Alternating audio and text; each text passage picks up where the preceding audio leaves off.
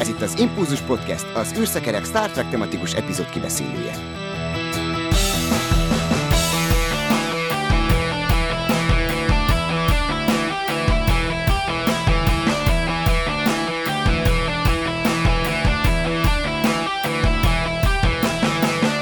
Szervusztok, kedves hallgatók! Nagy szeretettel üdvözlök mindenkit! 200. adásunk kezdődik el, heti vendégünk pedig a planetology.hu főszerkesztője, Rezsabek Nándor. Szervusz Nándi, üdvözöllek itt a műsorban. Sziasztok, és köszöntöm a kedves nézőket szintén. Műsorvezető társam pedig Dév, téged is üdvözöllek, szia! Sziasztok! Hát az, hogy mi lesz 2022-ben Star Trek megjelenések ügyében, arról az előző adásunkban beszéltünk, de most arra gondoltam, hogy egy kicsit szedjük össze, hogy űrkutatás terén mi a helyzet, és hát Nandi, te ezt biztos, hogy vágod, úgyhogy nagyon jó, hogy jöttél, mert akkor téged meg is kérdezlek, hogy mire kell most majd odafigyelni. Ugye itt ti még karácsonykor is a James Webb felbocsátást közvetítettétek a Space Junkie-val, úgyhogy elhivatottságból nincsen hiány, azt hiszem. Igen, stílszerűen ugye Space Junkie pólóba is feszítek, úgyhogy köszönöm szépen így a felkonferálást is. E, igen, tehát ugye az idei év kapcsán, amit érdemes megemlíteni, hogyha már James webb kezdtünk, ugye ennek a, a felbocsátása megtörtént év végén, és gyakorlatilag a üzembe helyezés fázisa fog következni, ugye nagyon fontos momentum lesz, és utána nyilván idővel érkeznek majd az eredmények, majd pedig ugye ezeknek a mérési eredményeknek a, a az alapjára helyezve ugye később azok a kutatási eredmények, ami nyilván szakcikkek formájában megjelenik. Amit ugye az idei év kapcsán mindenképp érdemes elmondani, hogy itt mindig emlegetjük különböző adásokban, szerintem itt nálatok is, amikor egyszer ugye a, a tavalyi marsi ostrom kapcsán voltam vendég, beszéltünk róla erről az űrversenyről, ami ugye a Hold és a kicsit már előre tekintve a Mars fele kacsingat. Gyakoroltam két hétig a marsjárónak a nevét. Igen, de egyébként én is ugye előtte, ugye a Space Junk-it említettünk, az ottani Londonban élő kolléga, aki ugye szakszerűen ejtettek, és utána próbáltuk átvenni azt a kiejtést, és valójában talán, ha nem is volt tökéletes, de megközelíteni tudtuk. És ugye ez a, hogyha már a Marsot említjük, ugye, meg a Holdat, ugye a Marshoz el fog indulni az a két éve a már akkori Covid helyzet miatt kicsit csúsztatott európai orosz misszió, ugye ez talán nyáron, abban a nyári indítási ablakban, ez utána 2023 ez az ExoMars misszió, ugye rover, leszálló egység, orbiter, triumvirátus. Ugye a Hold kapcsán meg kell említeni, hogy a, ugye az amerikai Artemis programot emlegetik, hát most már sok éve, sok csúszással, jelentős költségvetéssel, az egy nagyon bonyolult, nagyon szerteágazó, és egy csomó olyan kapcsolódása is van, ami ugye mellékszálnak tűnhet. Idén ennek több különböző indítását nézhetjük, mert ugye az amerikaiak mennek majd magán roverekkel, de ezek is valamennyire kapcsolódnak, ugye ennek itt egy hordozó rakétája, tervezett indulása várható, akkor ugye egy, egy űrhajó automata tesztje. Az oroszokat is meg kell említeni, a, ugye ezt már tavaly emlegettük, sőt, mert tavaly előtt is, de tavaly évelején az oroszok egy ilyen szilveszter üdvözletbe, új üdvözletbe betették a Luna programnak, a, ez a legendás orosz automata Hold programnak a feltámasztását. Ez végül tavaly nem lett valóság ellenben, ha minden igaz, a Luna 25-tel folytatva a számozást 1976 után ismételten útnak indulnak az oroszok. Eh, ugye itt is egy kicsit ugye váltással, az a, a modern idők modern megoldásai, vagy úgy mondom kutatási irányai, ugye hold, víz, szerves anyagok keresése. Emellett még a holdnál el kell mondani, hogy ilyen, úgy mondom, hogy harmadik vonalbeli országok is indulnak a hold felé különböző kisebb eszközökkel. Ebbe is voltak csúszások, hogy tavaly itt egy, tulajdonképpen egy tucatnyi holdi automata misszióról regéltek, ezek igazán ugye szerintem ugye azért a vírushelyzet meg egyéb miatt nagyjából tolódtak ebből néhány várható idén. Ugye az űrverseny kapcsán itt nem csak az orosz-amerikai, ugye a kínaiakat kell megemlíteni, akik ugye a Marshoz jutottak el harmadik nemzetként tavaly, ugye nekik egy komoly emberes, űr, emberes űrhajó, űrállomás programjuk is van a naprendszer kutatás mellett, azon a szálon is, amennyire tudom idén főleg azon fognak haladni, ugye a Japánt is meg kell említeni, ami szintén ugye, azt mondom, hogy a második vonal, és ők a Mars felé szintén kacsingatnak.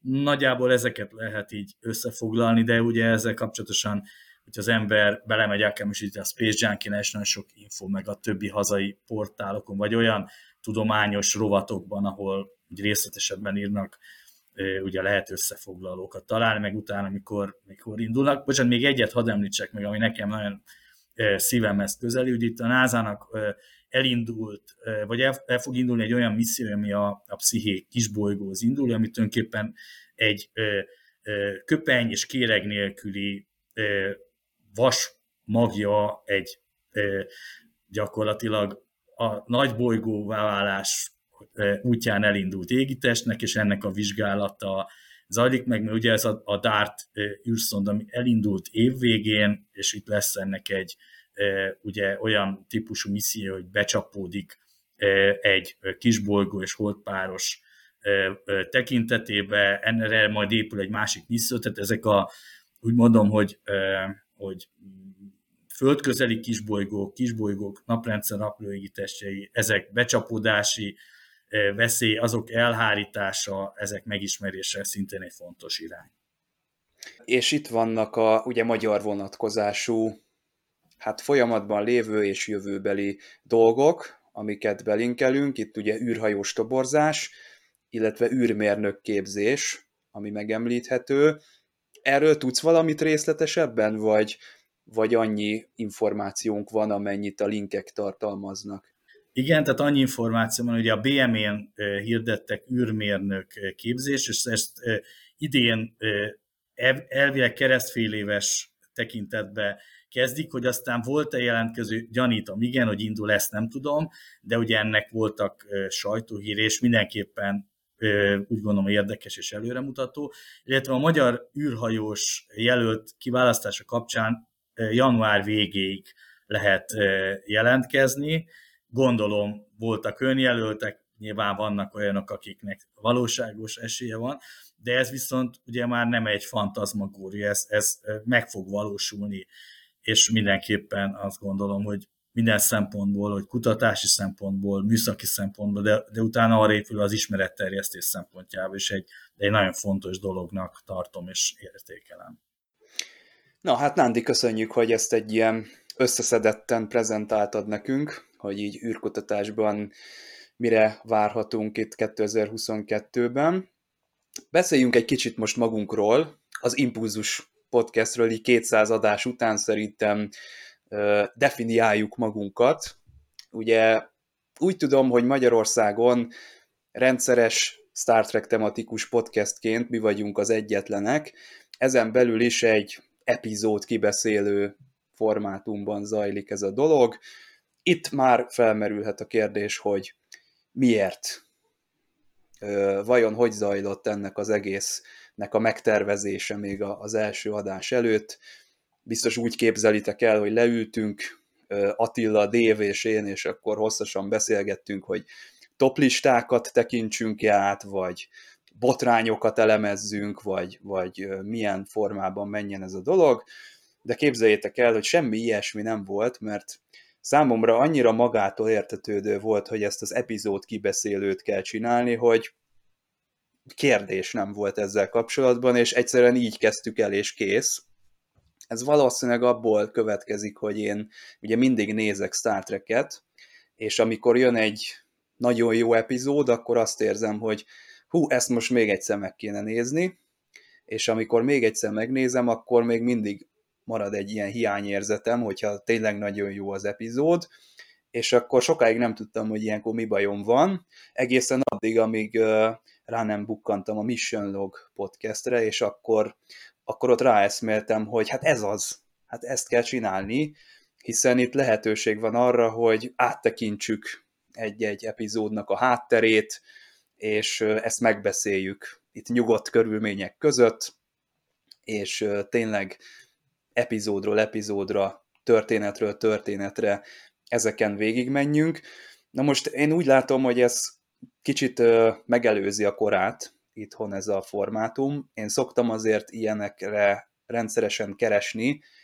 Egy könnyebben emészthető változata ennek az, amikor például az HBO hivatalos podcastet indít a saját sorozataihoz, mondjuk Csernobil, Trónok harca, és akkor én ezeket az adott évadhoz el tudom fogyasztani, de itt ugye rögtön látszik, hogy 5 vagy 10 epizódról van szó, és akkor nem tart ez örökké, tehát ez egy ilyen könnyebben bevállalható. Na most ilyen sorozatoknál, mint a Star Trek, ugye nehezebb a helyzet, mert ezt általában azért ilyen évadonként szokták feldolgozni, hogyha egyáltalán beszél erről valaki itthon, külföldön persze számtalan epizód kibeszélő van, még Robert Duncan McNeil és, és Gerett Weng is csináltak egy saját Voyager kibeszélőt, bár ők, ha jól tudom, nem olyan hosszú beszélgetéseket folytatnak le, mint amilyeneket itt mi művelünk, de, de létezik ez. És Dave, belőled például kinézem azt, hogy te is azért szoktál ilyen epizód kibeszélőket fogyasztani, illetve mintha múltkor mondtad is volna, hogy azért itthon sem lehetetlen ilyeneket találni, csak hát nem Star Trek témában.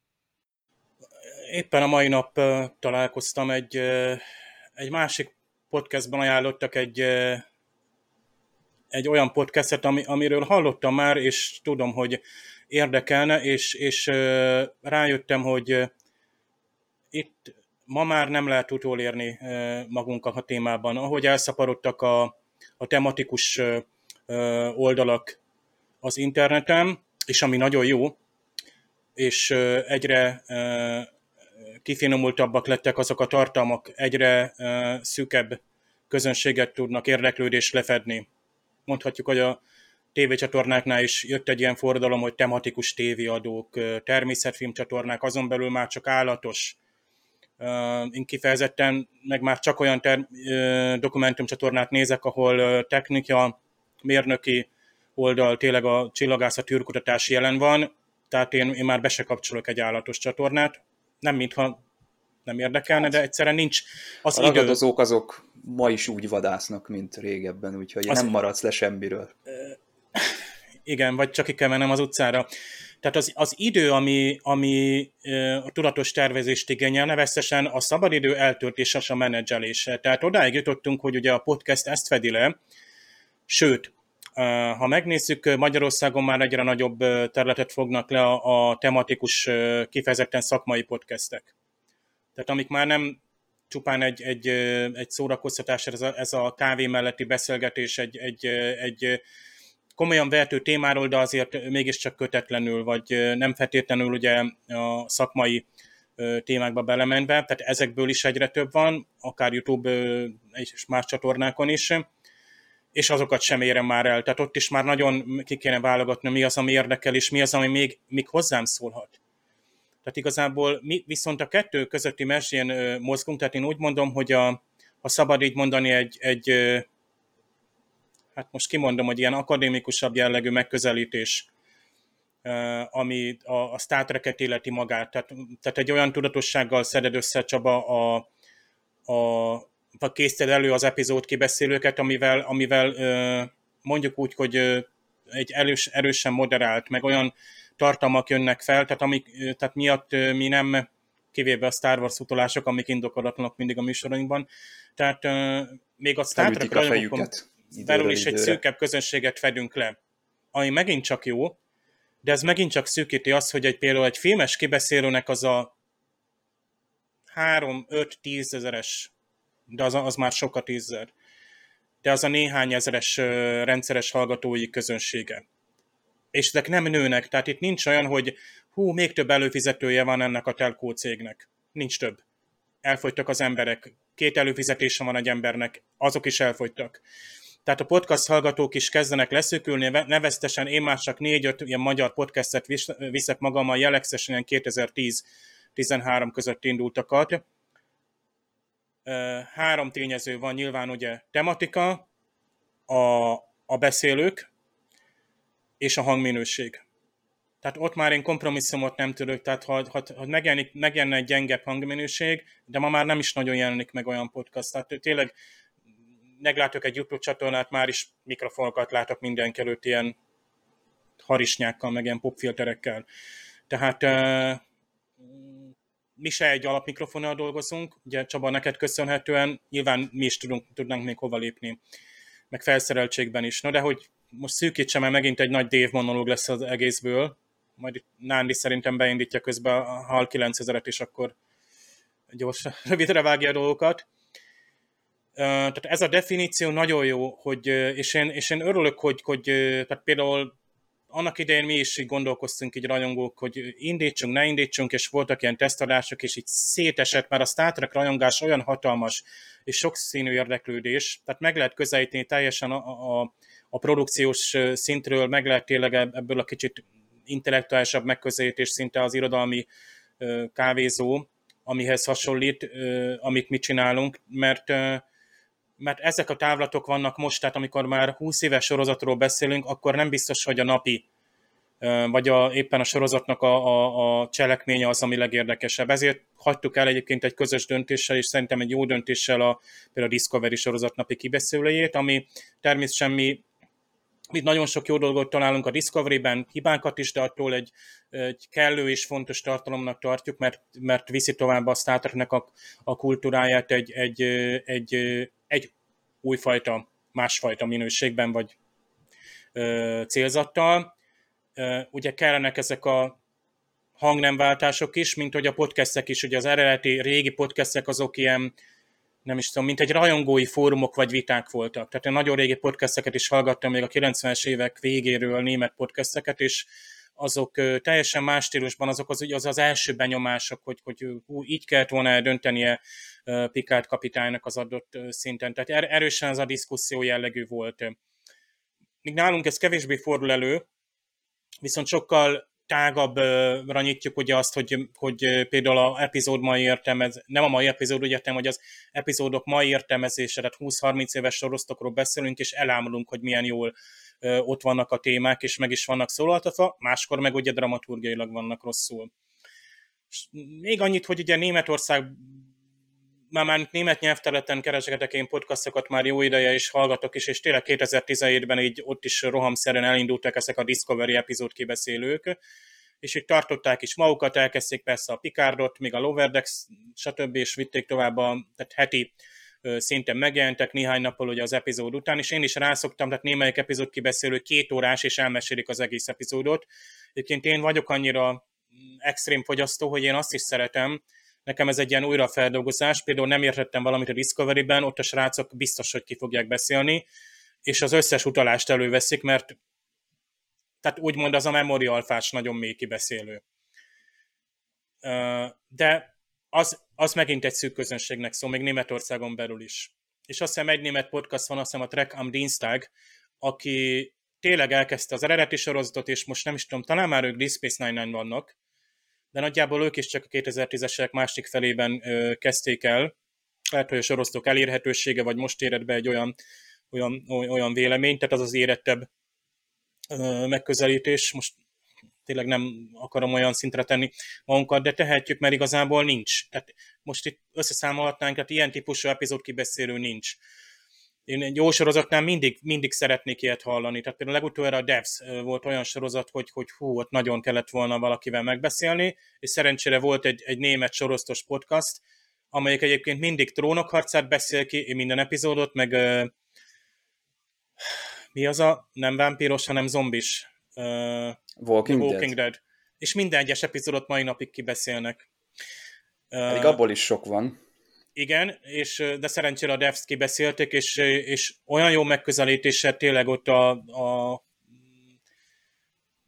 mit akart mondani, tehát költői utalásokat is elővettek, nyilván nem csak a cselekményt, tehát ar- arról is lehetett bőven beszélni. Ja, vannak ilyen ö, vegyes, én is észrevettem, hogy vannak olyan kibeszélő csatornák, ahol egyszerre futnak ilyen, ilyen, én olyat láttam, hogy TNG, Babylon 5, Discovery, Expanse, tehát vannak azért őrület emberek külföldön is, meg nemzetközi szinten is. Itt a, a Star Trek az ilyen podcasteknél, mint mi, a visszajelzések alapján is én azt látom, hogy így utólag zárkóznak fel és csatlakoznak be sokan, és akkor visz, elkezdik visszahallgatni, amikor ők a sorozatba belekezdenek, akkor azzal együtt kezdik el hallgatni, és ez a hallgatottságon is egyébként nagyon jól megfigyelhető, hogy vannak ilyen hullámok, amikor a, a régi adások is elkezdenek hallgatottabbak lenni. Én is így csinálom, tehát amik vannak ilyen epizód kibeszélők, azokat tekerem lefelé a 2010-es évekig, és akkor éppen azt a, az epizódot előveszem, amelyikről mi is beszélünk adott esetben. Én, én hadd fűzzek hozzá olyan szempontból, hogy ugye én egy kicsit nyilván így kakuktojás vagyok, mert nem vagyok korán sem olyan ismerője a sorozatnak, jóval később is találkoztam úgy mélyebben vele, mint ti, tehát nyilván én egy kicsit ugye más szálon kapcsolódom ide, de éppen ezért egy kicsit úgy mondom, hogy egy ilyen külső szemmel tudok véleményt mondani, pláne ugye itt a 200. adás alapján ugye ez, ez illő is.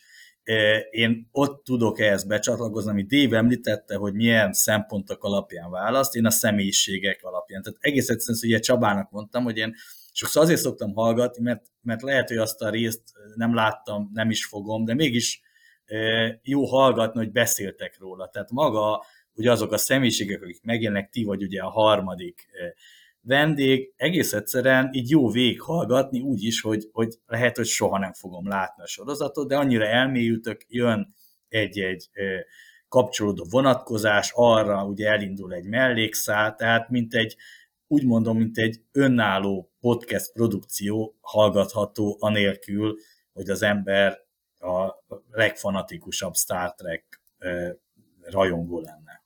Hát köszönjük. Figyelem! A műsorban spoilerek bukkanhatnak fel.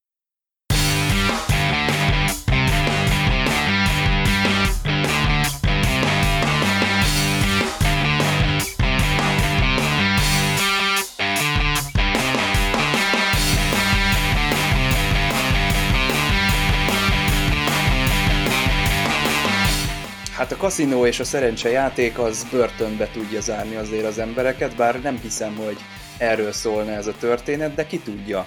Minden esetre Keith Mills a név, akit a stáblistában látunk íróként, de valójában nem ez a neve, hanem Tracy Tormé, akit jól ismerünk, hiszen ő aktív oszlopos tagja a TNG kreatív csapatának ezekben az időkben, de hát sokszor megtörténik a Star Trekben az, hogy átírják neki a sztoriát, és akkor ő már nem annyira elégedett. Most is ez van, úgyhogy azt mondta, hogy nem vállalja, szeretné, ha nem lenne rajta a neve a produkción, és hát Tracy Tormé innentől kezdve el is kezdett távolodni a TNG-nek a, az aktív, kreatív csapatából, és távozni is fog majd ebben az évadban. Hát a kibeszélőben a Royal című epizódról lesz természetesen szó, még mindig Rezsabek Nándor és Dév a beszélgető társaim, én pedig Csaba vagyok. Hát képzeljétek el, az eredeti sztoriban az történt volna, hogy Ricsi ezredes nem hal meg, vagy valamilyen formában találkoztunk volna vele, mint egy ilyen image, egy ilyen, lehet, hogy egy virtuális valami lett volna, és a leszálló csapatnak az egyik tagja, egy hölgy az Enterprise-ról, ott maradt volna, de ő is meghalt volna, csak neki is valamiféle képe jelentett volna társaságot Ricsi ezredes másik kivetülésének. Kicsit ilyen The Cage, a kísérlet jellegű történetet talált ki Tracy Tormé eredetileg, bár az is benne van itt a, a Memory Alfán a, az idézetekben, meg az ő nyilatkozataiban, hogy sokkal szürreálisabb, sokkal humorosabb, sokkal szarkasztikusabb volt az ő változata, jobban eltávolodott a, a hagyományos, vagy a megszokott Star Trek történetmeséléstől. Hát megint egy olyan sztorit látunk, ahol egy könyv alapján van megalkotva egy egész világ. Ez a Piece of the Action című eredeti sorozat epizódban már szintén megtörtént, és hát itt is azért vannak gangsterek, itt is egy mondjuk azt, hogy 20. századi környezetet láthatunk, tehát ez, ez, ez egy ismerős formula, viszont nekem eszembe jutott az, hogy azért, hogyha ilyen előfordulhat, tehát számíthatunk arra, hogy éljenek létrehoznak egy világot a mi könyveinkből, akkor oda kéne figyelni, hogy mit viszünk magunkkal az útra. Még ennek a Ricsi ezredesnek szerencséje volt egyébként ezzel, hogy nem a 1984-et találták meg nála az éljenek, de ha belegondoltok, akkor egy könyv az nem azért szokott jó lenni, vagy akár egy film az nem azért szokott jó lenni, mert annyira a vendégmarasztaló világokat szoktak bemutatni. Ezzel kivétel a Star Trek, tehát hogyha meg kéne mondani, hogy miért jó Star Trek-et nézni, és félretesszük ennek az egész sorozatnak a, a szemléletmódját, a megközelítését, a filozófiáját, akkor azt lehet mondani, hogy igen, ott akarunk élni, dolgozni, stb. Legalábbis a klasszikus, mondjuk azt, hogy Rick Berman érában készült, meg a, az eredeti sorozatot is most számítsuk ide, tehát ezekben az érákban készült Star Trek sorozatokban szívesen élnénk, de hogyha egy jó drámát veszünk a kezünkbe, hát akkor az ugye nem jó, hogyha abban a világban találjuk magunkat. Tehát azért van egy jó érzés, amikor felállunk egy ilyen film után, hogy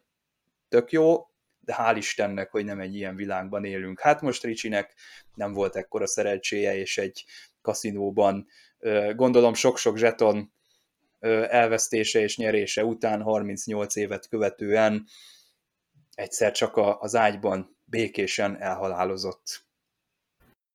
Igen, tehát ugye számomra azért volt ez izgalmas, meg egy kicsit ugye kapcsolódik az itt létemhez, hogy ennek a, az epizódnak ugye egy nagyon komoly planetológiai vonatkozása van. Ugye itt egy, egy naprendszer, a Téta 116-os naprendszernek a nyolcadik bolygójánál járunk, és ez a rendszer ugye itt a, a, a szkennelés eredményeképpen ugye nagyon érdekes paraméterekkel tárul fel. Ugye, itt, ugye ezek között van, ami valós, és van, ami nagyon elképzelt. Ugye, itt ugye egyfelől, ugye, amikor a képét mutatják, akkor leginkább egy Jupiterre emlékeztető gázbolygónak tűnik, ugye itt a felhősávok látszanak rajta, stb. stb. Hogyha ugye itt a később említendő, meg itt a képernyőn felvinnaló paramétereit nézzük, akkor leginkább a naprendszer, naprendszerünk külső naprendszer egyes holdjaira emlékeztet, illetve bizonyos exobolygó környezetekre, de ugye azt is tudni kell, hogy amikor ezt a epizódot készítettek, hogy az exobolygók léte még csak egy elképzelés volt, hogy ezeket nem ismerték, és azért a külső naprendszer holdjai kapcsán is azért messze nem bírtak annyi ismerettel. A, ugye ezek között, amik megjelennek paraméterek, én ezeket próbáltam így egy kicsit így górcső alá venni. Ugye vannak a kijelzőn ilyen, ugye kiírják. Igen, a kijelzőn, így nagyon, nagyon részletes információk vannak. Ugye ezek között vannak, ami tényleg előfordulhat, és van, ami nem. Ugye egyfelől az égítés korát meghatározza, amire valami 72 milliárd év adódik, ha jól emlékszem. Ugye ez azért érdekes, mert az egész világegyetem kora jelen ismereteink szerint 13,8 milliárd év. Tehát egy kicsit, ugye ez, ez teljesen irreális. Akkor ugye itt egy felszíni hőmérsékletet is adnak, ami mínusz 291 Celsius foknak adódik, ugye, ami megint ugye a mi viszonylatunk, hogy elképzelhetetlen, ugye az abszolút nulla abszolút zérus alatt járunk. Ugye, Na most amit... én azért itt elgondolkodtam, hogy ez nem direkt van, mert két De, ilyen természeti nem. törvényt áthágni egyszerre véletlenül nem lehet. Tehát, hogyha abba belegondolok, hogy Tracy Tormé egy szarkasztikus vagy egy ilyen szürreális epizódot akart csinálni, akkor simán benne van a pakliban, hogy ezekre gondosan odafigyelve mégiscsak valami olyan értékeket találjanak ki, ami, ami kiüti a biztosítékot, de ha így lenne, akkor sajnos szerintem felfigyelne erre ott a legénység is, és akkor Riker mondaná, hogy micsoda, meg Déta mondaná, hogy hát ez lehetetlen.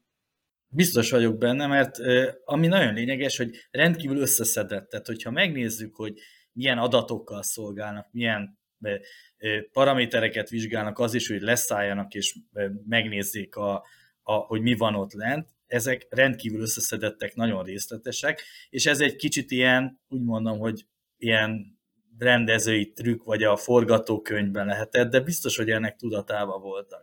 Ugyanakkor viszont vannak ugye valós olyan vonatkozások, ami megfeleltethető, hogy említettem, hogy ugye az exobolygókról most ne beszéljünk, de a, a, mondjuk a naprendszer vonatkozásában. Egyfelől ugye mondjuk a leghidegebb, nagyon érdekes egyébként a naprendszerben a leghidegebb a Holdon mért egy holdi kráterben mért hőmérséklet, ez 200, mínusz 248 Celsius fok, ami fura, mert ugye az ember a külső naprendszerét tenné, de ugye ez nyilván Itt a reális. De nem azért... kell messzire menni, hogy nem, így van, kis jégkocka. Így van. Így van. De ami még ugye izgalmasabb ugye a bolygó kapcsán, ugye a légkör összetétel, és itt a nitrogén és a metánt említik. Ugye a mi naprendszerünkben van két olyan égitest, ahol nitrogén alkotja a légkör meghatározó mennyiségét.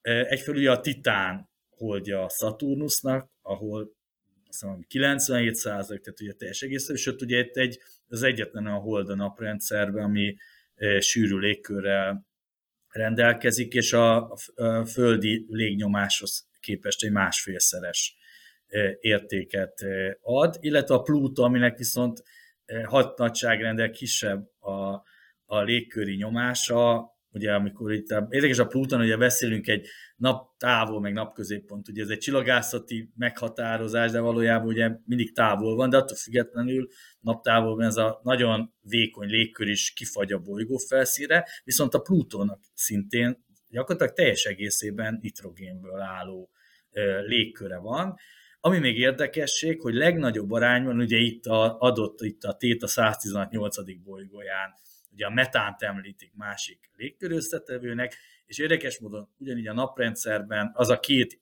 égitest, ahol a legnagyobb aránya a metán, ez ilyen 2-3 százalék a légkörben, az pont ugyanez a titán, illetve a Plutó. Emellett pedig az Uranus és a, az Uranus és a Neptunus, mint ugye külső gázbolygók. Emellett ugye említi ezt a folyékony neont, ami rendkívül érdekes. Megint ugye a titánnal lehet összefüggésbe hozni, ugye a Földön kívül az egyetlen légitest a naprendszerben, ahol ö, ö, ugye nem vizet, de bármilyen folyékony halmazállapotú felszíni ö, folyékony, most mondjam, víztestet találunk, ugye, ami ö, szénhidrogének, etán és metán alkott a tengerek és óceánok, az a titánon van, tehát ez is megint egyfajta ilyen kis titán hasonlat, ahogy az is, hogy az, amiről majd ugye tovább gördünk, ahol ugye ez az említett kaszinó áll, az egy metán fensík, és ez is egy kicsit ugye titános, hogy attól függetlenül, hogy ugye nyilván ez egy szilárd halmaz állapot, és nem folyékony, de akkor is. És a másik, amit még megemlítenék, a, ilyen ammónia viharról is említést tesznek a, a, Jól a tornádó.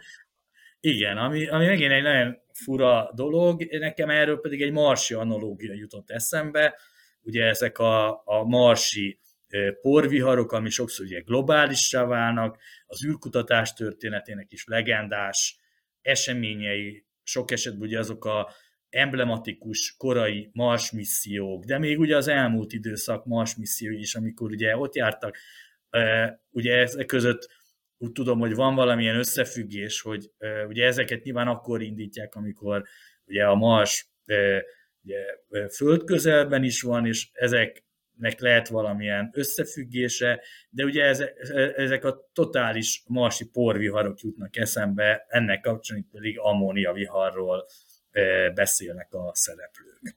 Hát és szép zöld ez a bolygó, most nem akarok itt visszaélni a, a szakértő vendégünknek a jelenlétével, de nem tudom, hogy az itt említett összetevők azok kiadhatnak-e egy ilyen, egy ilyen gyönyörű Ugye az Uránusz kapcsán szokták, tehát hogyha az ember akár egy kisebb amatőrcsillagászat távcsővé is betekint, ugye a két, ugye a legkülsőbb bolygók, az Uránusz és a Neptunus, az, az ugye vizuális amatőrcsillagász észleléssel is lehet látni egyfajta színkompozíciót, és az Uránusz az zöld zöldes, a Neptunus meg kékes. Tehát ilyen szempontból, és ez az Uránusz hasonló, hogy említettem, hogy a, hogy a, a metán ez a két külső nagybolygó légkörében is ugye bizonyos arányban képviselteti magát, ugye ott még alacsonyabb a Plutónál, illetve ugye a, a, a Titánnál, tehát ez ilyen 1-2 százaléknyi, de akkor is.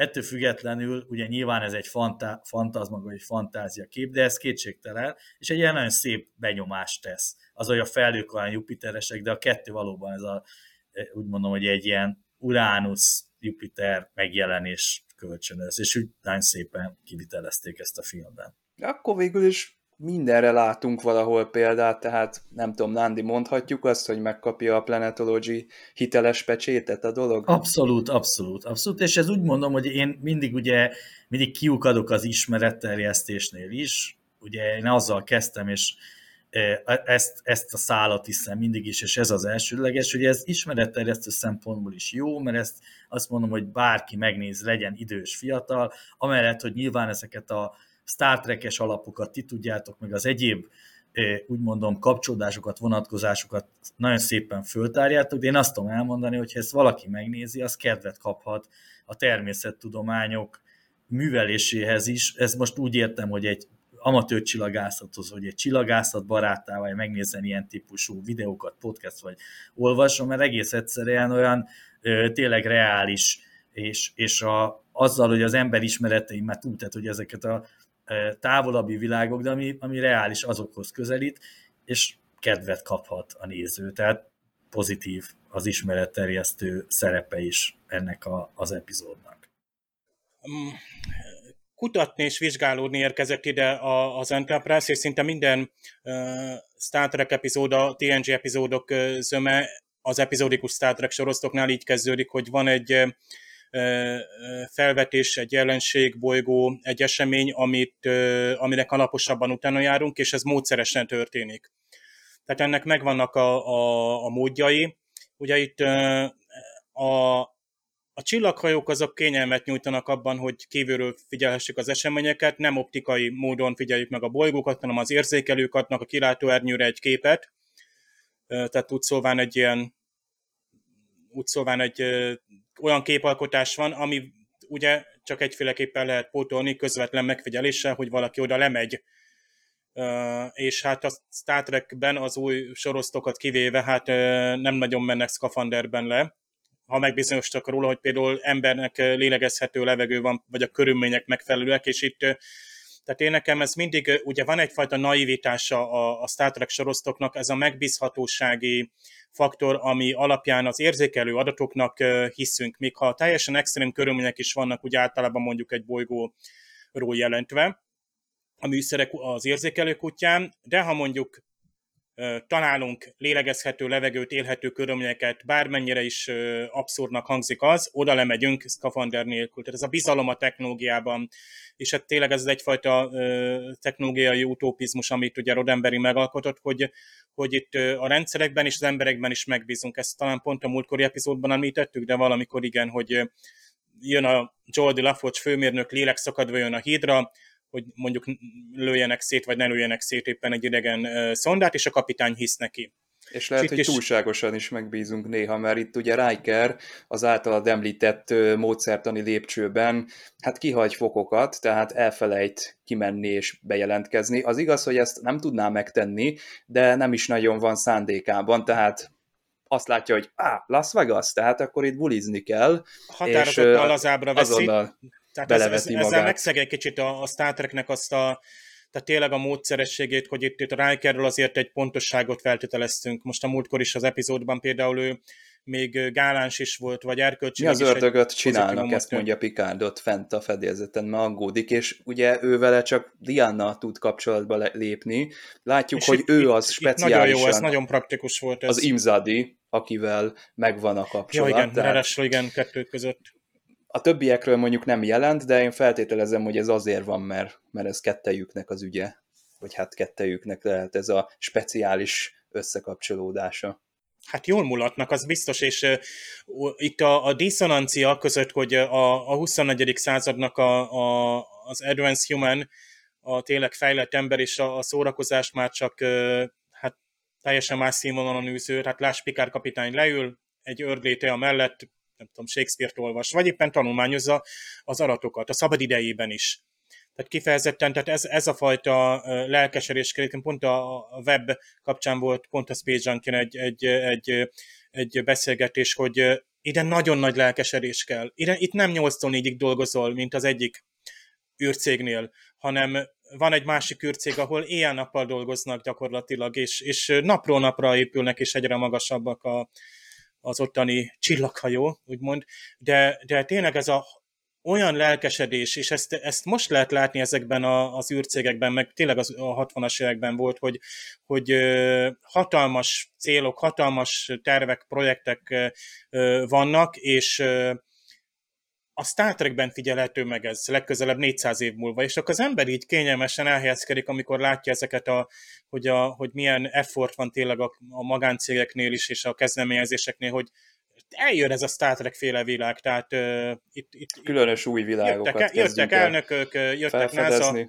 és fél évekkel arrébb egy másik kaszinóba botlunk bele megint a 20, nekem ez a 20. század mindig előjön a 21. században, tehát találkozunk hibernált emberekkel, akik 20. századi módon viselkednek, hogy megmutassák, hogy hát mi már teljesen mások vagyunk. Tehát itt is megvan az a rácsodálkozás, hogy hát mit művelnek itt ezek az emberek? Ott a idős hölgyek is ott a nyerőgépeknél lelkendeznek. Lapot húzza a 15-re, mit csinál? A texasi, tehát a, a texasi, a texasi beszédével, meg ö, akcentusával, és minden az egész ö, ö, attitűdjével, az a fickó ugye abszolút jelkét, tehát mintha Jockey Ewing lépett volna oda, ugye ez az abszolút nem a Star Trekbe való karakter, és Data átlényegű ezzel. Tehát ezt meg tudod nekem Csaba magyarázni? Nem. Ugye te, aki Détát jól ismered itt. Nem tudom miért csinálja szereted. ezt, ugye ez akkor szokott bekövetkezni, amikor valami hiba van, vagy anomália, tehát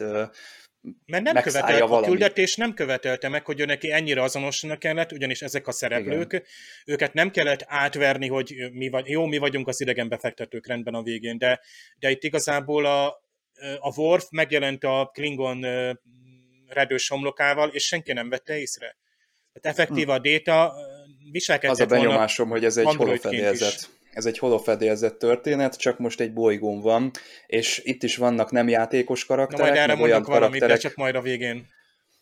Igen, hát olyan karakterek vannak itt, akikhez egyáltalán nem tudsz hozzászólni, mint egy videójátékban, mint hogyha úgy programozták volna, hogy oké, okay, ez a néni ott a félkarú rabló mellett, ez, ez teljesen mellőz minden interakciót, tehát hiába próbálkozol vele, ő csak díszlet, tehát, de még csak nem is NPC, mert ugye az NPC-k azok, azok akik a, a kalapba a Texas, meg a, meg, akik, meg a portás, tehát ők azok, akikkel ténylegesen szóba tudsz elegyedni. A többiek azok csak díszletként vannak jelen, és ez azért kemény, tehát hogyha belegondolsz, hogy 38 évet így lehúzni egy ilyen környezetben, hogy négy-öt emberrel tudsz beszélgetni, mert ő, ők a történetnek a fő sztoriszála, a többiek pedig csak ilyen kivetülések, vagy, vagy nem tudom, tehát ilyen hátterei ennek az egész világnak, akkor az azért elég kemény. És az a néhány fő is, akit ö, említettél, vagy említettetek, ők is csak úgy mondom, hogy ilyen nagyon visszafogottan kommunikálnak, egy-egy csatornán szinte, nagyon minimális, és nem is adnak információt, ez a legjobb példa, ugye elhangzik, hogy melyik bolygón vagyunk, és nekem nem volt egyértelmű végén a válasz, hogy most mondják, hogy elhangzik a Földön, vagy mondanak valami más, de Igen. valaki mondja, hogy a Földön, mert ott parkol az autó. Tehát, hogy ezek is ilyen, ilyen kicsit félinformációk hangzanak el, kicsit félre megy a kommunikáció azzal a néhány a, ö, személyel, aki egyáltalán hajlandó ö, velük szóba állni, és valami ö, információhoz jutatja őket.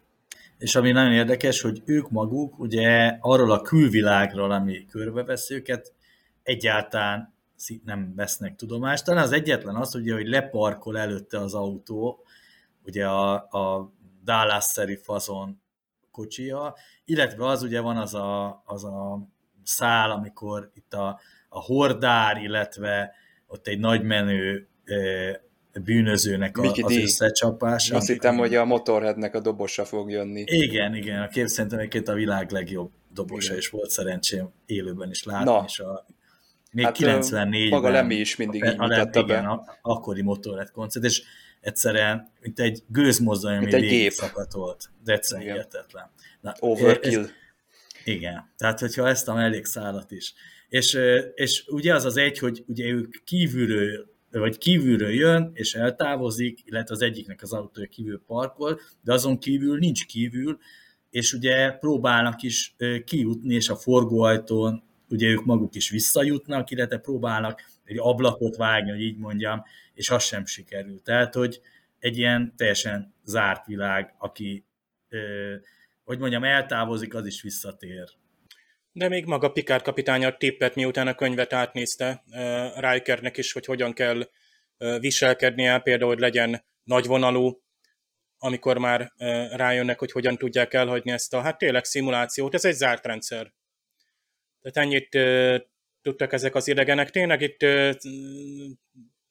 te is említed az adásnaplónkban is, hát a 2001, amit Nándi veletek volt szerencsém újra nézni és, és megbeszélni, és nagy élmény volt, hogy egyáltalán megnézhettem, mert nagyon régen láttam, és tényleg ott is ez a nagyon reális, tényleg a precízen kidolgozott az űrutazás módja, a külső-belső helyszínek, és a szürreális utazás és a, a végén maga a hotel, ami ugye egy reális helyszín kéne legyen, vagy jobban ismerjük egy hotelnek a belsejét, ez a neo klasszikus, vagy nem tudom, milyen belső, nem is egy 20. századi ráadásul. Itt ízig vérig egyébként ilyen 80-as évekbeli hotelt hoztak elő, tehát megint a nézőhöz közelebb hozva, és hogy a nézőnek lehet, hogy a 80-as években nem volt szürreális. Nekünk már csak azért bizarr ez, mert ugye nekünk ez a 80-as évek már ilyen, hogy tényleg a a szemüvegeken lehet látni, ami, oh, ami hát igen, nagyon... jellegzetese. Igen, ez abszolút.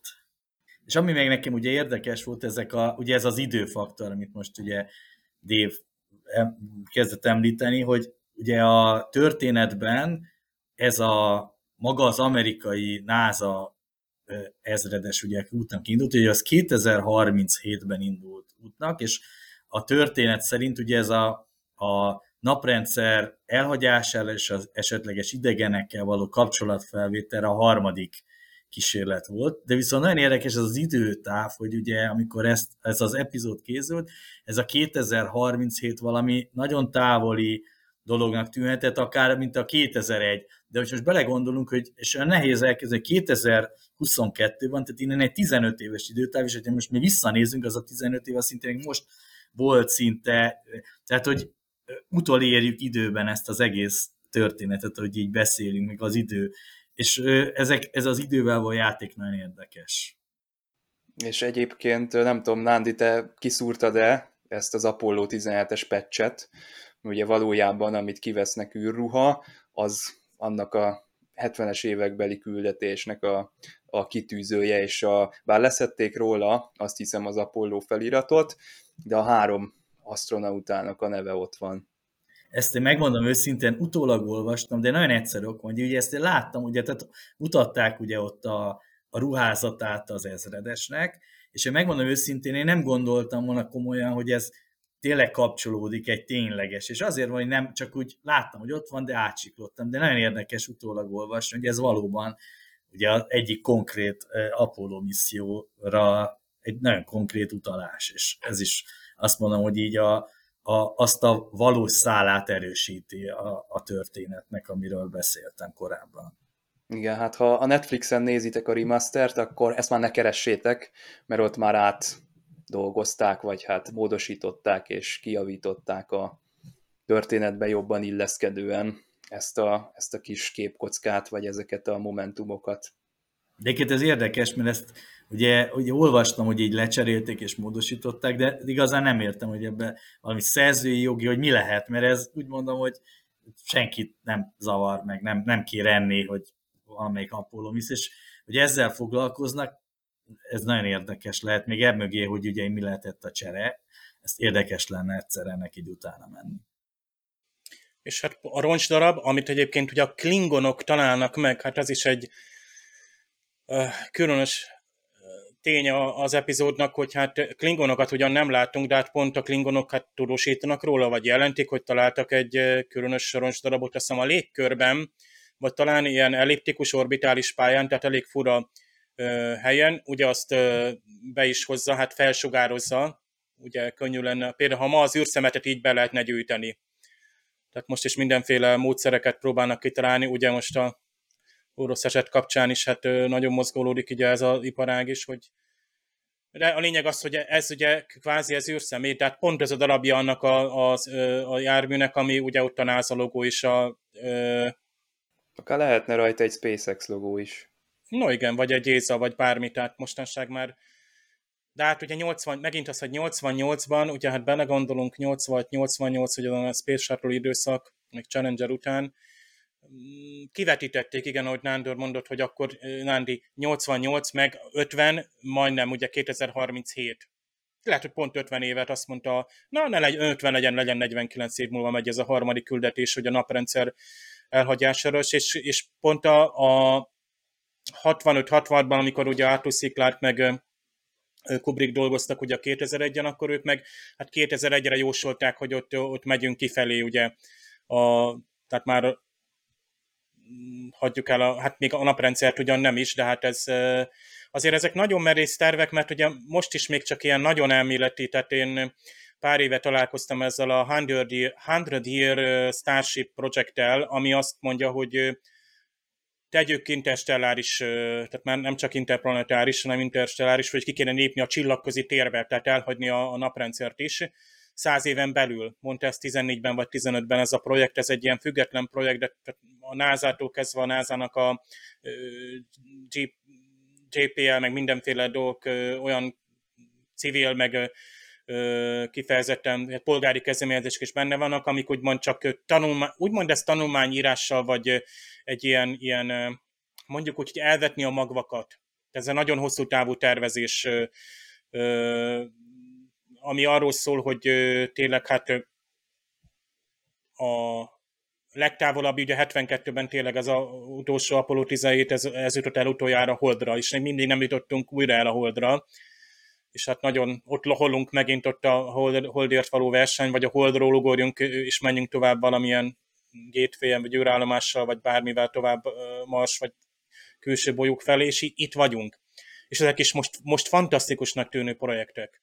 Még ugye 88-ban simán azt képzelték, hogy 2010-es, 20-as évek az már simán a Mars, Marsra szállásnak az időszaka lesz. Tehát ez ugye, ezek az arányok változnak, az idők tolódnak, a, a fontosságok tolódtak el. Tehát most arról álmodozunk, hogy tényleg száz év és egy emberes küldetés, és lehet, hogy már nem is emberes küldetés lesz, amelyik úgy hagyja el a naprendszert, hogy tehát tényleg lehet, hogy robot, amelyik innen lesz távirányítva. Szóval de ez a 2037, ez tényleg annyira közel van, hogy ha azt felbocsátják, ugye, akkor, és az is mikorra érne el oda?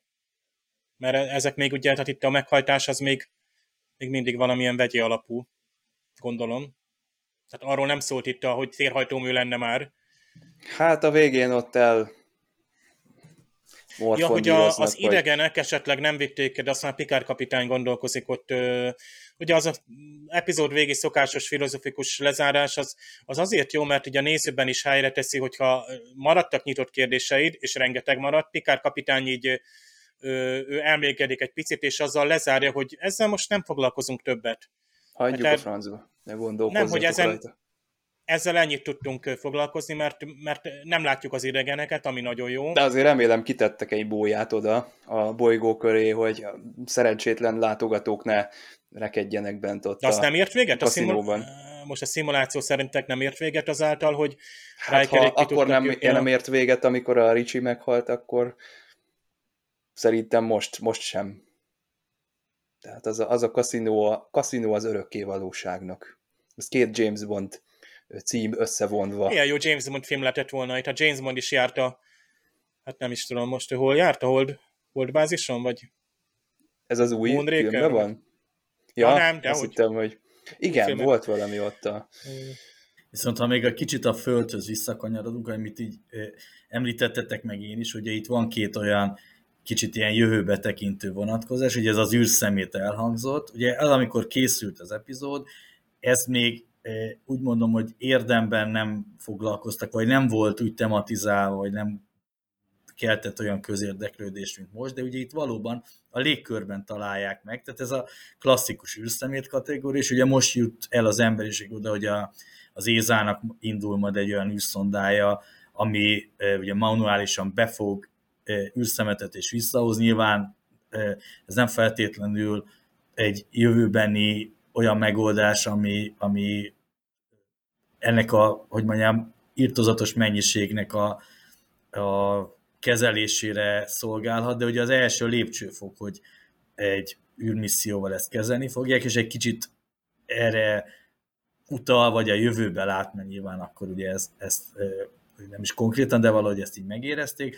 Ez a másik pedig ez a metán kérdés, amit beszéltünk az elején, ugye a légkör egyik összetevőjeként említik, itt pedig most ugye a szakmából adó nem lehet megkerülni itt a, nyilván az üvegházhatást e, elsősorban időző gázok között ugye ott van a metán, és ugye ez szinte a napi sajtóban is téma, és ugye itt van egy égitest, ahol e, igen jelentős, és ugye vannak ott a, a égitest felszínek, hogy ezt a Földnek mondják, tehát ez is egyfajta ilyen előre vetítés, azzal, hogy nyilván ekkor még szintén ez nem volt olyan mértékben ugye a, a közgondolkodásban, mint ma egy kicsit azt mondom szakmai vonalon ugye ezzel már ugyan foglalkoztak, de, de széles körben nem, és ez is egy valahol egy ilyen utalás, nyilvánvaló, hogy nem feltétlenül tudatos, mint esetleg azok a paramétereknek az áthágása, ami a alapfizikai törvényeket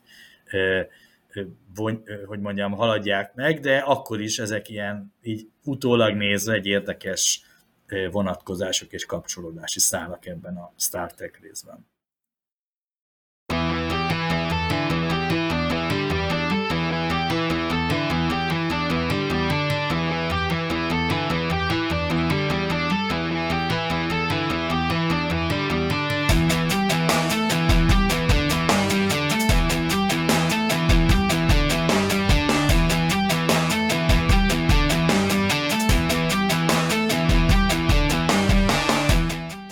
Hát ez a, a, a bolygó, ez, ez egyáltalán nem egy kellemes üdülő bolygó, és hát jó a tiszteknek ez a kis laza beszélgetése, hogy viccelődnek munka közben, és hát nem egy vakációs bolygó, nem egy üdülő bolygó, azt kérdezi Riker a Jory LaForge-tól, miközben ő elemzi az adatokat, ugye itt mondja, hogy nitrogén, metán, folyékony neon, felszínű hőmérséklet mínusz 291 Celsius fok. Ugye Celsius fok üdvös a Star Trekben a, a eszi mértékegység használata.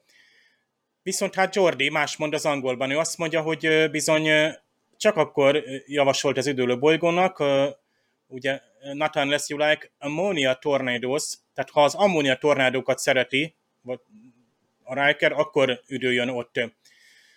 A magyarban egy kicsit egyszerűsíti ezt, azt mondja, hogy legfeljebb egy meteorológusnak én szerintem itt elveszik egy picit azt, hogy ez egy jó poén lett volna. Nem rossz a magyar sem. Ilyenkor úgy érzem, hogy a fordító nem feltételezi a, a nézőről, hogy élvezi azt a poént, hogy ammónia tornádó.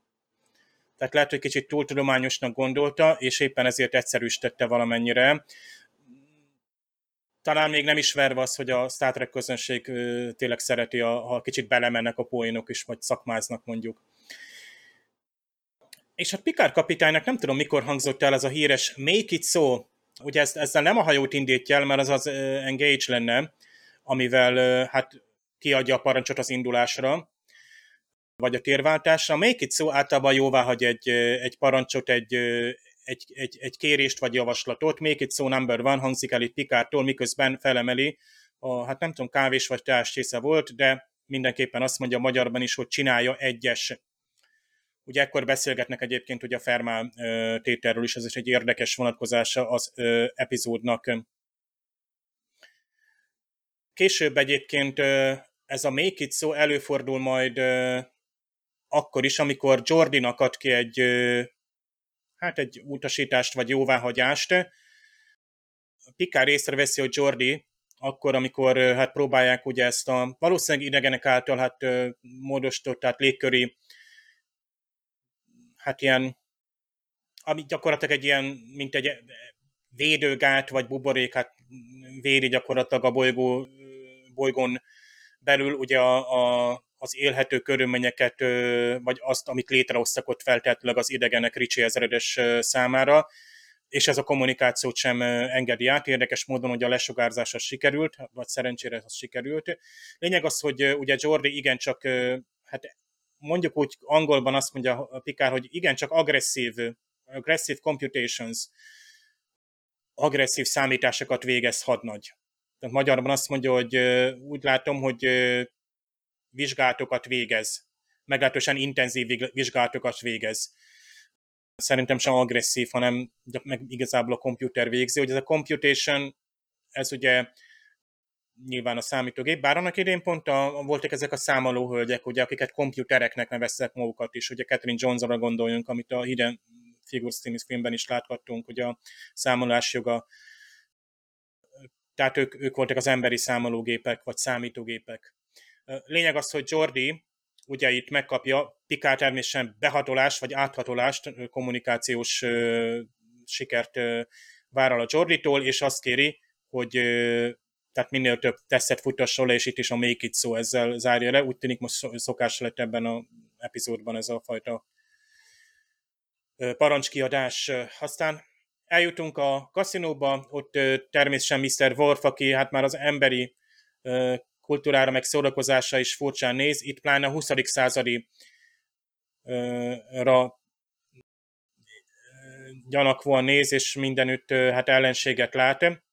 Itt neki esik ennek a pultos, hát ilyen akinél becsekkolunk ugye a, a, a szállodába, tehát portás mondjuk, és hogy mi ez a hely. How did a being like you get here? Tehát Worf is ugye azon a nyomon indul el, hogy ezek az emberek valahogy eljutottak ide, tehát földi emberek, és azt nem értem, hogy azt nem rakják össze, hogy ha ezek az emberek ide utaztak mondjuk egy űrjárművön, akkor miért még mindig 20. századi ruhákban járnak? Persze vannak ilyen elképzelhető egy ilyen például egy ilyen, ilyen telepet, hogy valaki visszavágyik a 20. századba, fölépítik neki egy bolygón, ilyen nem szimuláció, hanem csak egy környezet, és akkor oda bemész, mint egy ilyen western városba.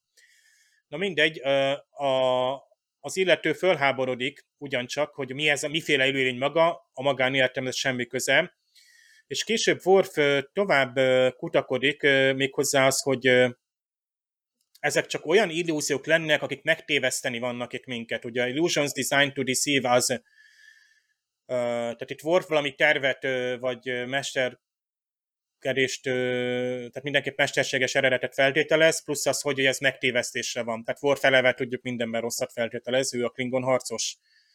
Data kijelent, hogy ez nem illúzió, léteznek, de nem lehet regisztrálni őket, mint élőlények. Ugye Data tricorderrel járkálott, egyébként senkinek nem tűnik fel, sem Worf, sem a tricorderes Data. Még mondja is Data, hogy take this creature, tehát nézzék meg ezt, ezt a kreatúrát. A magyarban elég jól le van fordítva. A lényeg az, hogy itt egy olyan furcsaság mondja, magyarban Worf azt kérdezi, hogy hologramokkal vezettek-e félre minket. Ezt megint a fordító kérdezi, ugyanis az eredetiben egyáltalán szóba se kerülnek a hologramok, de a, magyar déta is azt mondja, hogy nem hologramok hadnagy. Míg a, a, az angolban, vagy eredetiben azt mondja, hogy not illusion lieutenant. Tehát kézenfekvő, hogy egy Star Trek rajongó hologramokra gondol, de ezek nem hologramok, és nem is azt kérdezik. Tehát érdekes, hogy megint a fordító próbál magyarázkodni, hogy a nézők biztos, a Star Trek rajongók ismerik a hologramokat, tehát azért, hogy azt, azt, azt nem is tudom, hogy az illúzió szót miért nem érteni meg egy néző, főleg egy Star Trek néző. Aztán hát Data, természetesen Data itt nagyon belemegy a dolgba. Mondjuk ő már pókerezett az Enterprise fedélzetén, és a, a játék, a, az emberi szórakozás nem áll távol tőle, sőt igyekszik is ezt tehát utánozni, szimulálni úgy szólván, hogy az ő emberi válásának, az emberi fejlődésének egy folyamata. Tehát a texasi úriember bizony ugyancsak hát abban a hangnemben kezeli détát, és déta nagyon alkalmazkodik ehhez, olyannyira, hogy át is veszi ezt a, a stílust. Ugye itt megjelenik az, hogy őt úgy szállítják, hogy boy, ugye fiam vagy kisfiam, akkor szóba kerül a blackjack, tehát a 21-ezés détának természetesen nem kell a hajókönyvtárahoz fordulnia, ugye blackjack accessing, mondja Déta, és látjuk, hát a szemén szoktuk látni, legalábbis az új, új, újabb epizódokban, hogy Déta a saját adatbázisában keresgél, megvan az, hogy mi az, hogy 21, és Data ugye a játék célját is ismeri, és így okosan is tud játszani. És akkor természetesen elkápráztatja ott az embereket, you've got the brass, elment a józan eszet, amikor túl sokat akar föltenni, hát valószínűleg számolta azért ott a lapokat, tehát tényleg a Texasét igen, csak texasi módon, meg amerikai módon beszél ebben az idiomákkal, és később lehet látni, hogy Data még azon túl is túlmegy, hogy tehát a játékban játékosként viselkedik, tehát egyenesen élvezi a játékot. Ez a Rikeren is lehet látni, de Détán még jobban, ez egy kicsit furcsa volt így nekem, pedig nem kellett megtéveszteni az itteni közönséget. Hát eljutunk Ricsi ezredesig, hogy most már ugorjunk a lényegi részhez, és hát Data ugye megnézi a zászlót, amit akár egy nagy felbontású változatban meg is lehet számolni a sávokat és a csillagokat. Ugye hát itt bizony 13 sáv reprezentálja 13 brit, egykori brit kolóniát, amelyek ugye a függetlenséget kinyilvánították, és elszakadtak a nagy brit birodalomtól, és az Egyesült Államok alapját teremtették meg, és hát bizony az 50 állam, ami 50, tehát kékmezőben 50 csillag, ugye 5 és 6-os számban váltakozva soronként reprezentálják ugye az 50 államot. No de, itt egy olyan zászlót találnak, amiben 52 csillag van. Egyébként az angolban meg a magyarban is, és azért hoztam ezt ide, mert ez alapján viszont tényleg van egy szinkronos hiba, hogy Data azt mondja, hogy 52 star sir, és meg is mondja, hogy 2033 és 79 közé tehető. A zászló az 52 csillag alapján ebből a korból származik. Vagyis, ugye most tudjuk, hogy 50 államról van szó az Egyesült Államok esetében, de 2033 és 79 között 52 államra emelkedik az Egyesült Államok államainak száma. Tehát nem az, hogy esetleg kilépne mondjuk egy állam, mondjuk új Mexikó azt mondaná, hogy őnek elege van egy valamelyik elnökből is, ő kinyilvánítja a függetlenségét, egyáltalán alkotmány alapján lehetséges-e? Hát a Brexit is lehetséges volt. De lényeg az, hogy ezt az időtartamot az jellemző, hogy növekedett az Egyesült Államok államainak száma. Nem tudjuk, hogy miért. Esetleg az oroszok újabb területeket adtak át ott Oroszka környékén, vagy ki tudja, valami vulkanikus tevékenység nyomán valami sziget kiemelkedett, nem tudom, ott Hawaii környékén.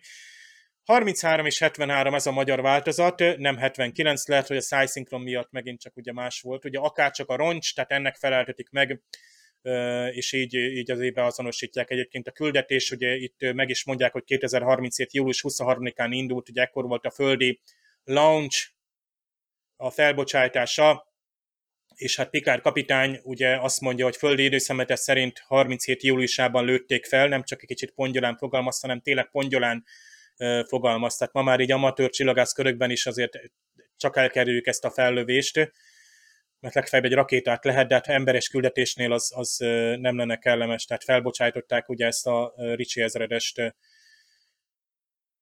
És hát Déta viszont a lovak közé csap, ugye Baby needs a new pair of shoes, csapjunk a lovak közé, Ataboy, ugye, ami tipikusan egy ilyen baseball slang, that's the boy, ugye ez, ez is egy ilyen biztatás, egy ilyen elismerés, ezt természetesen a Texasi mondja.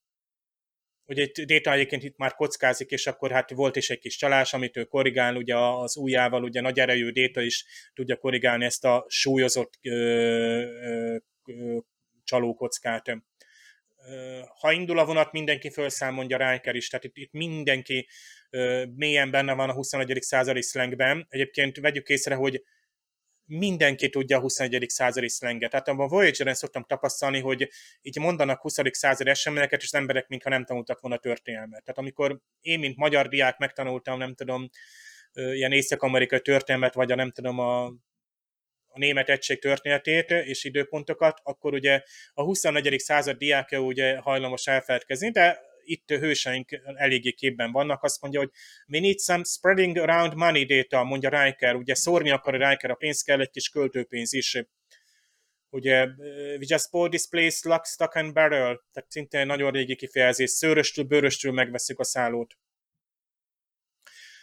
a végén Pikárnak ebben a filozofikus összegzésében van is egy nagyon érdek, van megint egy érdekes egy, egy ilyen uh, műszó, hogy műszó, hát művilág azt mondja, make believe world, make believe world, művilág, ez viszont nagyon jó fordítás, mert ez a Make Believe World, ugye, ami el akarja hitetni magát igazinak. Tehát úgy szóval valószínűleg azért hozták, és ez most már nem,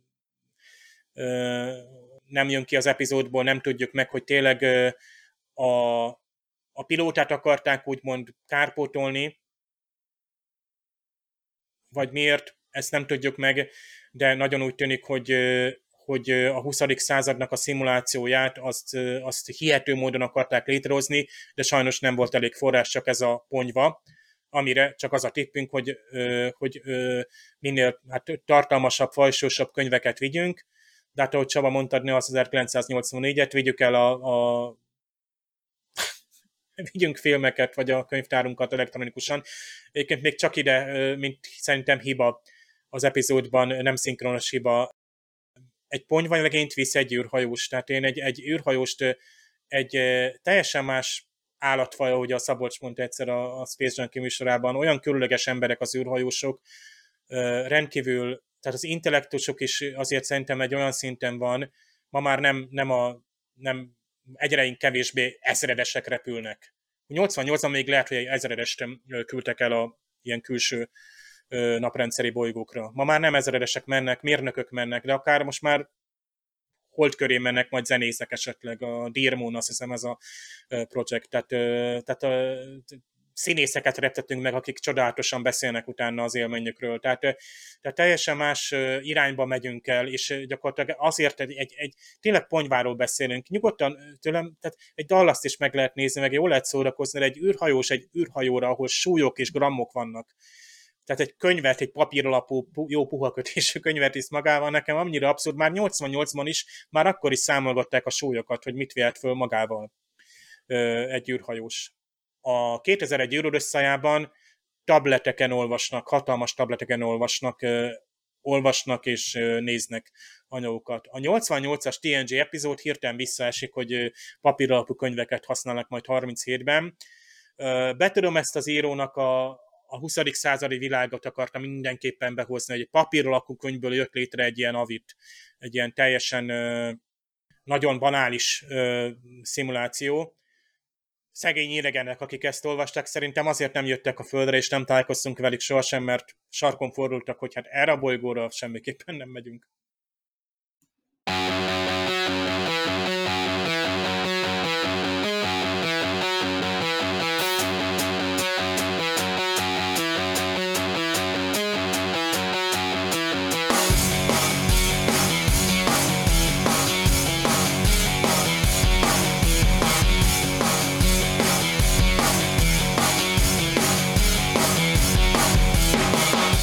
Hát már jól ismertem a Star Trek-et, de amikor ez a Viaszaton ment, akkor ez volt az első epizód, amit láttam, és ez indított el egy olyan lavinát, hogy én már hát sokkal komolyabban elkezdtem nézni ezt a sorozatot. Szörnyű volt ez, mert én a tévézést azt nem szeretem, és akkor sem szerettem, tehát az, hogy valami egy adott időpontban elkezdődik, és azt akkor kell nézni, ez rettenetes dolog ezt nem, nem tudtam akkor se elképzelni, hogy hogy lehet ilyet ö, csinálni, vagy, vagy hogy lehetne ezt, ezt valahogy áthidalni, és akkor elkezdtem nézni akkori webshopokban ö, ilyen Star Trek DVD-ket, és hát tulajdonképpen egy ilyen 150x150 pixeles ö, képet láttam egy ilyen Star Trek TNG évadról, amit akkor és ott úgy nézett ki, mintha valami ékszerdoboz lenne, azóta sem tudom, hogy az, az hogy néz ki ténylegesen rendesen, de akkor az volt, hogy egy évad az olyan 39.990 forintba került, és ráadásul nem volt rajta semmilyen magyar vonatkozás, úgyhogy egy jó ideig a, a tévére voltam hagyatva, hogy hát ott kellett Star Trek-et nézni, de a Viaszaton azért elég sok sorozatot meg tudtam tekinteni, és igazából kellemesebbek az ehhez az epizódhoz fűződő emlékek, mint amennyire valójában jó ez az epizód. Én most azt kell, hogy konstatáljam, bár nincsen vele különösebben baj, de valahogy nem látom benne, a, hogy mire akar ez kiukadni. Ugye szegény Picard kapitánynak sem jön be ez a Ferma tétel, mert hát az a helyzet, hogy ugye Andrew Weiss kőkeményen nekidőlt ennek a kérdésnek, és 6-7 éven belül ugye neki ezt sikerült megcsinálnia, még hogyha egy olyan megoldást is hozott ki, ami hát földi halandó számára felfoghatatlan, és a mai napig csak egy szűk kör tudja megérteni és belátni ezt a bizonyítást, de tény és való, hogy hogyha csak a történetet nézzük, akkor a kapitány elsiklott e fölött a tény fölött, ami ugye azt a hát végkövetkeztetést erősíteni itt az epizódban, hogy vannak olyan dolgok, amit nem old meg a technikai fejlettség és a, a civilizációnknak a, az éppen aktuális ö, fejlettségi foka. Lehet, hogy érdemesebb lett volna egy fiktív paradoxont, vagy egy fiktív ö, példát felhozni, de hát azért látjuk, hogy ez az epizód, ez lépten nyomon a, a való élethez közeli dolgokat próbálja beemelni itt a, a történetbe. Itt az űrodüsszeljával összehasonlítottuk. Hát azért az űrodüsszejának vannak rétegei, itt nem biztos, hogy olyan sok mindent ebbe bele lehet látni, de lehet, hogy a Tracy Torménak én, én megnéztem volna azt az eredeti verzióját, hogy az miért olyan jó, mert az író saját elmondása szerint még a stábtagok is megkeresték, és, és sorra oda mentek hozzá, hogy de hát mi lett az eredeti történettel, pedig az olyan jó volt. És hát lehet, hogy már túlzott a, a nyilatkozatokban, mert annyira elégedetlen volt az átírásokkal, lehet, hogy ez csak valamiféle indulat, mindettől függetlenül azért kíváncsi lennék arra a verzióra is. Igen, tehát itt a mélység kapcsán annyi, hogy én valahogy azt éreztem végig, vagy meg, meg talán egy utólag gondolkodom, meg ugye a 2001, és ugye most rögzítettünk egy ezzel kapcsolatos adást ugye a Planetology beszélgetésekben, ami ugye az impulzus csatornáján jön, tehát itt ilyen komoly összefüggésekben, és ugye Dave is ennek az adásnak a meghívott vendége volt, és amit mondta, hogy ott rétegek vannak itt, itt azért a lássuk egy kicsit olyan egydimenziós az egész. Én amit jobbnak tartok, hogy a forgatókönyvet jobbnak, annak ellenére, hogy itt említette csak, hogy átírtak benne dolgokat, stb. Én magát az alapsztorit jónak tartom, itt egy kicsit a kivitelezést érzem gyengének, és valahogy itt visszautalok egy korábbi produkciókra, ilyen magyar science fiction, hogy a e, e, science fiction e, dolgoztunk fel, meg a Parallaxisba, és ott ez a párhuzam jut eszembe, az ott sokszor nagyon jó történeteket néha nagyon gagyin csináltak meg, csak van, ami szerethető. Most a legjobb példa ugye a Pix, ami nekem abszolút a favorit és a legnagyobb kedvencem, és a világ legnagyobb Pix fanatikusa vagyok, azzal, hogy tudom, hogy a világ legnevetségesebb sorozata, de akkor is. Ugyanakkor abban is volt, ami, ami Ez gagyi volt, de nem szerethető. eszközökből Régen minden, össze. minden, minden, ami volt, de hát a függetlenül, hogy épp ez a báj. És ez az az érdekes, hogy már ilyen kisgyerekként már ez a 70-es évek vége, 80-as évek elé is ugyanúgy ez a bája megvolt, és ez nem veszette. Sőt, és itt is azt érzem, hogy ez viszont egy kicsit olyan, hogy voltak azok a kevésbé jó kivitelezett magyar science fiction Attól függetlenül ez is szerethető, és szerintem, szerintem jó, és számtalan mondani valója van, de azért egy kicsit, hogy mondjam, az a nagy mélység azért hiányzik belőle, lássuk. Attól függetlenül jól szórakoztam, és ezek a planetológiai vonatkozások meg valóban izgalmasak, és az a kevés mélység, ami van például ez az egyik, ami, ami adja. Uh-huh amit lehet, hogy nem hangsúlyoztam, vagy szavakba nem öntöttem bele kellőképpen, hogy azért ez nem a toplistás Star Trek epizódok közé tartozik, de az, hogy most itt vagyok én, meg most így itt vagyunk együtt, az mégiscsak ennek az epizódnak köszönhető.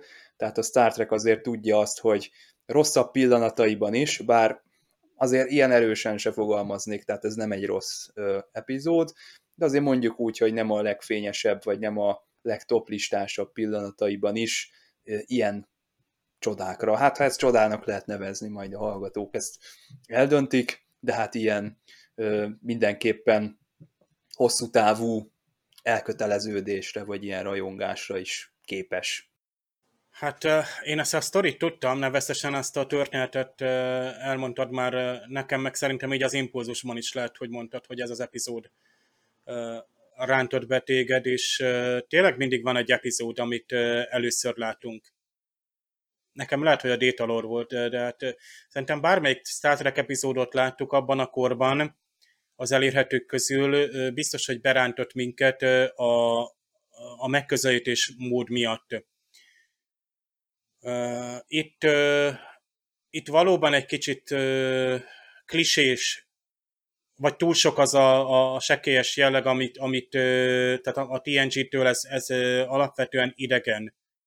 Mert még a holofedélzeti karakterekről is van szó, vagy szimulációkról, Lás Moriarty a múltkor, tehát egy holo szereplő, aki elkezd egy mesterséges szimuláció, elkezd tehát ön, öntudatra ébredni. És ez még szintén ebben az évadban volt, ugye? Tehát, és az is mondhatnánk, hogy egy kosztomos történet javarészt olyan környezetben játszódik, mondhatnánk, hogy banális a Star Trekhez képest, de pont a, a, a Star Treknek ez a univerzális megközelíthetősége, hogy annyiféle rajongó van, annyiféle korosztály, én tényleg, és mondhatnék, hogy 60 fölött hölgyeket, tehát akik, akik, akikről azt hinnéd, hogy ők egy másik korban nőttek fel, amikor még nem volt ilyen közérthető a science fiction. De igen, akkor is, mert science fiction nagyon-nagyon rég, most pont a Pixar mondtad, és azok az alapelemek vagy motivumok, hogy hogyan kapcsolunk jelenkori vagy akkori jelenkori, ugye 80-as éveket szerintem ismerjük, mert vagy mi, vagy